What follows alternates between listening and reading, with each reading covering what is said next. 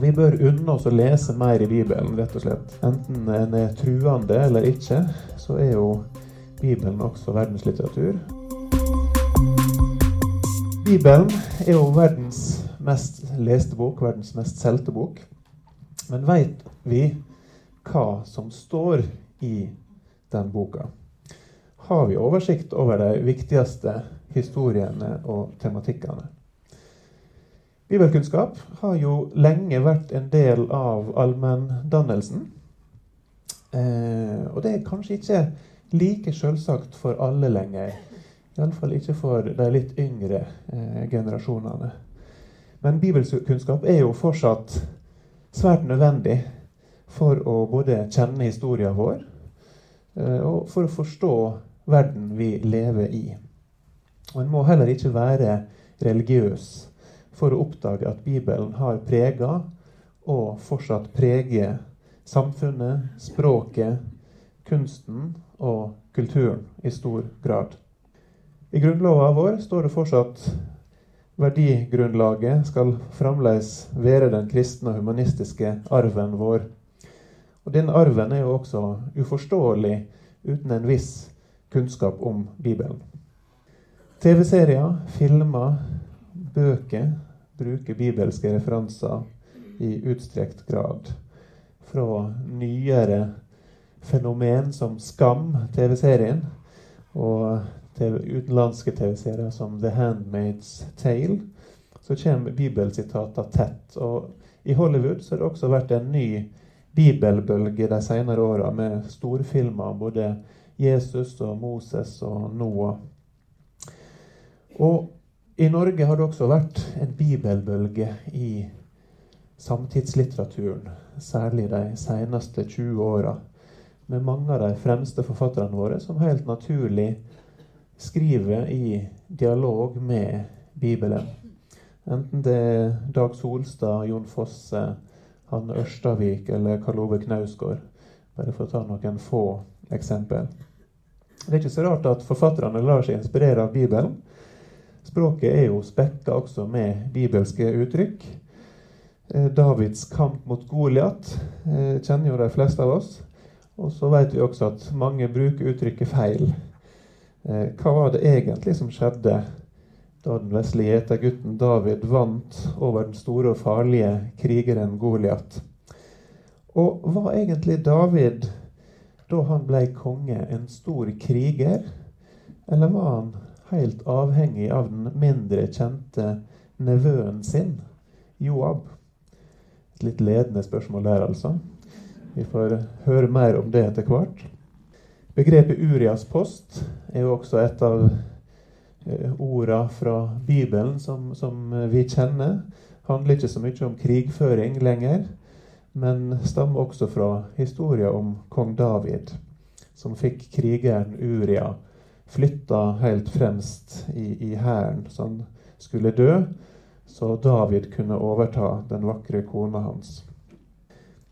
Det er kanskje mindre kjent at uttrykket 'heile sulamitten' kommer fra Bibelen. Visste dere det? Noen visste det nok, kanskje ikke alle. Det kommer med, med opphav fra Bibelens mest lidenskapelige bok, 'Høgsangen'. Og Denne boka handler jo om kjærlighet og lidenskap mellom to elskende. Og kanskje har også enkelte lesere opp gjennom historien hatt en viss redsel òg for disse sterke og lidenskapelige skildringene. Og det har også ført til at høgsangen ofte har blitt lest symbolsk. Det er jo fullt mulig og blir fortsatt gjort som et bilde på kjærligheten mellom mellom eh, Gud, som da tolkes som mannen i denne fortellinga, og hele den kristne menigheten.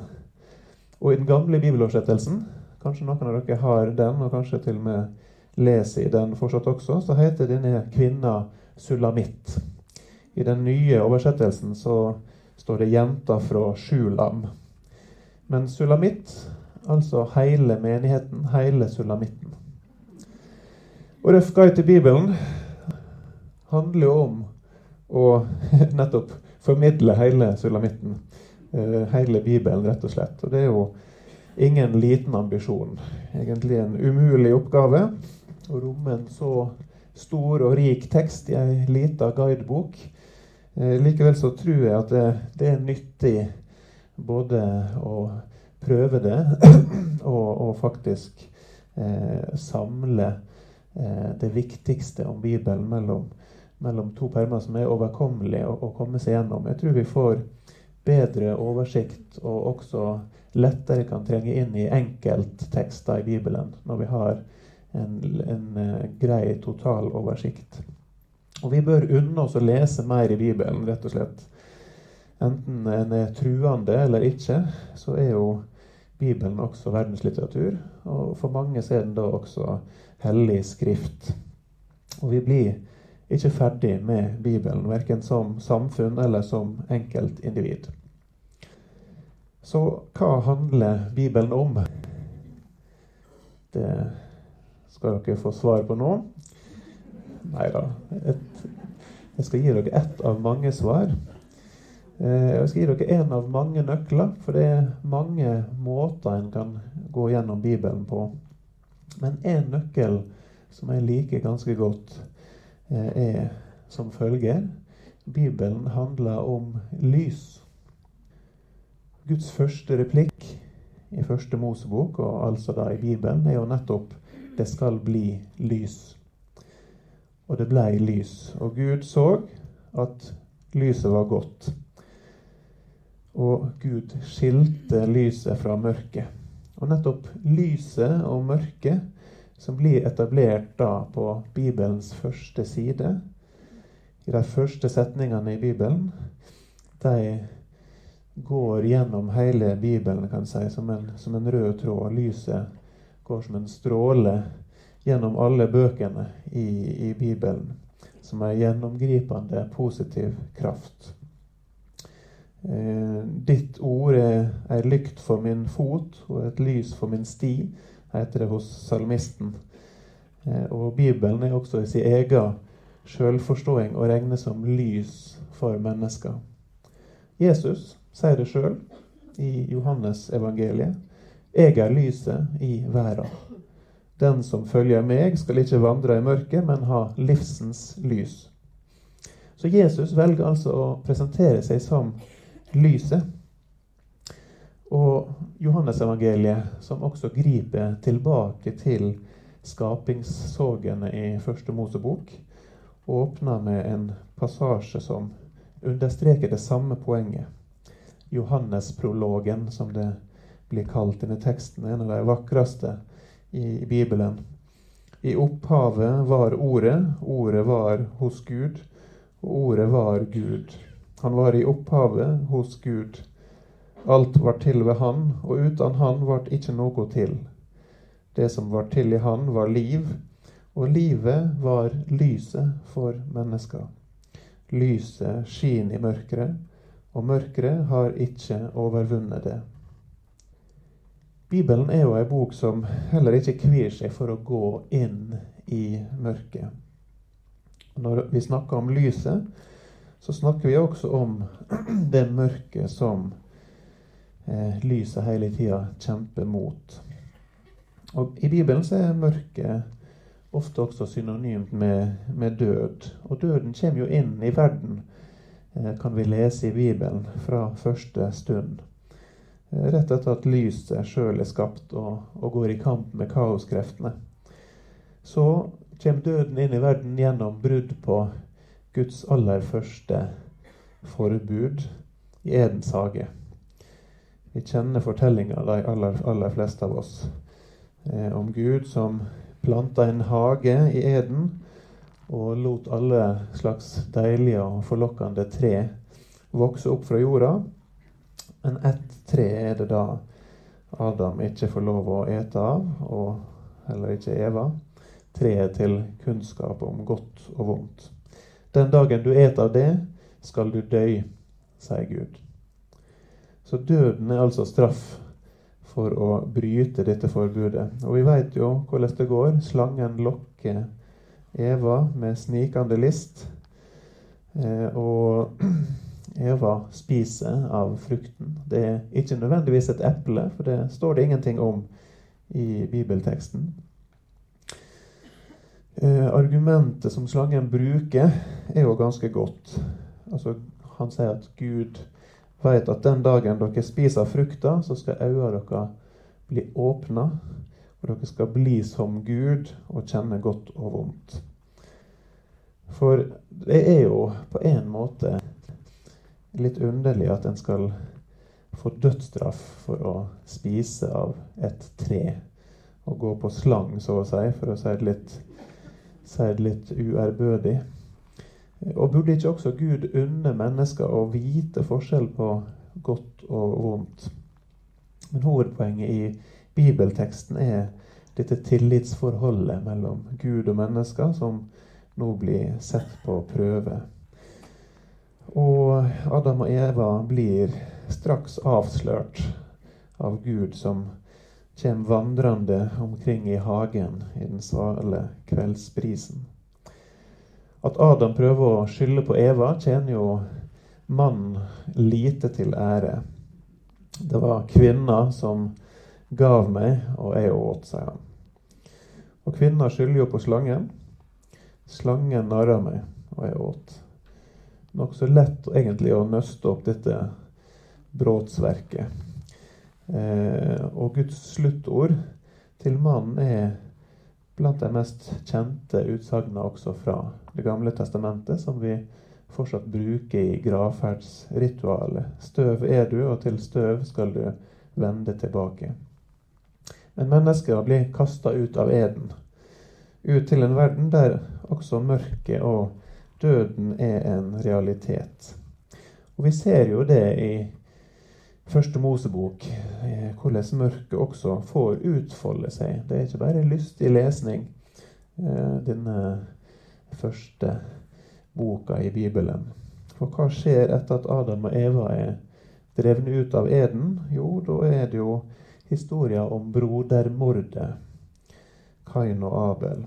Og også mange andre av fortellingene i Bibelen inneholder, inneholder grov vold og dette er på en måte da den første, eh, der Kain slår i hjel bror sin. Eh, kanskje pga. det han oppfatter som forskjellsbehandling. At Gud eh, setter pris på Abels offer, men ikke like stor pris på Kain sitt offer. I Det nye testamentet så peker forfatteren tilbake på denne fortellinga og mener at eh, det var Abel som bar fram offeret sitt i tru, og at Kain ikke gjorde det. Eh, og det er det som er grunnen til forskjellsbehandlinga. Men Guds nedvurdering av Kains offer gjør altså Kain så sint at det fatale skjer. Og Gud eh, må si til Kain at blodet fra bror din roper til meg fra jorda. Så det er mange eh, historier i denne delen av Bibelen, spesielt starten, som også kan være nokså utfordrende for oss. Også utfordrende for, eh, for gudsbildet. For Gud er ikke alltid den som verner om, om livet. Og Historien om Noah er jo ett eksempel. Har jo også vært gjenstand for en debatt nå i seinere tid, også i forbindelse med Svein Tindberg sin, sin bibelbok. Pga. alle dyra så er jo fortellinga om Noas ark eh, veldig populær blant barn, og også mye brukt i søndagsskolen. Men ironisk nok så er jo dette kanskje den aller drøyeste fortellinga i hele Bibelen. Om en gud som utsletter nesten hele skaperverket sitt pga. vondskapen på jorda, som Gud angrer på at han er skapt. Eh, syndfloden, som er et ord som vi, eh, som vi kjenner godt til, eh, står ikke noe om i bibelteksten. Dette er en feiltolking som stammer vel fra Luthers oversettelse, bibeloversettelse til tysk, der han brukte ordet 'sintflot' som betegnelse på en stor flom, som da igjen har blitt til syndeflod på, på norsk. Eh, arken, som Noah får beskjed om å bygge, 150 meter langt skip, 25 meter bredt, 15 meter høyt, eh, er jo da det som berger menneskeslekta og reetablerer tilliten på et vis eh, mellom, mellom, Gud og, og, mennesker. Og også denne fortellinga ender jo i lys, nokså konkret, i form av lysbrytning på himmelen, regnbuen. Når alt er over, så står buen på himmelen det står ikke konkret ordet regnbue heller. Det står bue. Men det er jo en nærliggende tolkning at det er regnbuen det er snakk om. Eh, som et løfte på at Gud aldri skal gjøre noe slikt igjen. Men lyset, også lyset gjennom ilden, står sentralt videre i Mosebøkene når Gamle testamentets store mann, Moses, gjør sin entré Moses er jo en spennende skikkelse. Eh, det er jo debatter mellom bibelforskerne om hvorvidt en skal oppfatte Moses som historisk eller ikke. Jeg syns det er litt flott å tenke på at uh, Moses da i Mosebøkene omtalte seg sjøl som verdens mest ydmyke mann. Uh, I tillegg også til å beskrive sin egen død. Så Dette er en imponerende skikkelse. Men hvordan er det Gud møter Moses? Jo, det er gjennom en brennende tornebusk. Og når Gud går foran israelfolket eh, idet de flykter fra Egypt, så er det også i form av ei ildsøyle om natta. I form av lys. Når Gud stiger ned på toppen av Sinai-fjellet for å gi Moses og israelsfolket lovene, også de ti bud, så blir også dette skildra med ild og lys. Bibelteksten sier det på denne måten. Hele Sinai-fjellet sto i røyk fordi Herren hadde steget ned på det i eld. Røyken steg opp som fra en smelteovn, og hele fjellet skalv. Eh, kan også minne om et skikkelig vulkanutbrudd på et vis. Men dette, dette er nok en gang et, eh, et, eh, et bilde på, på, at lyset er til stede når, når, Gud, når Gud kommer.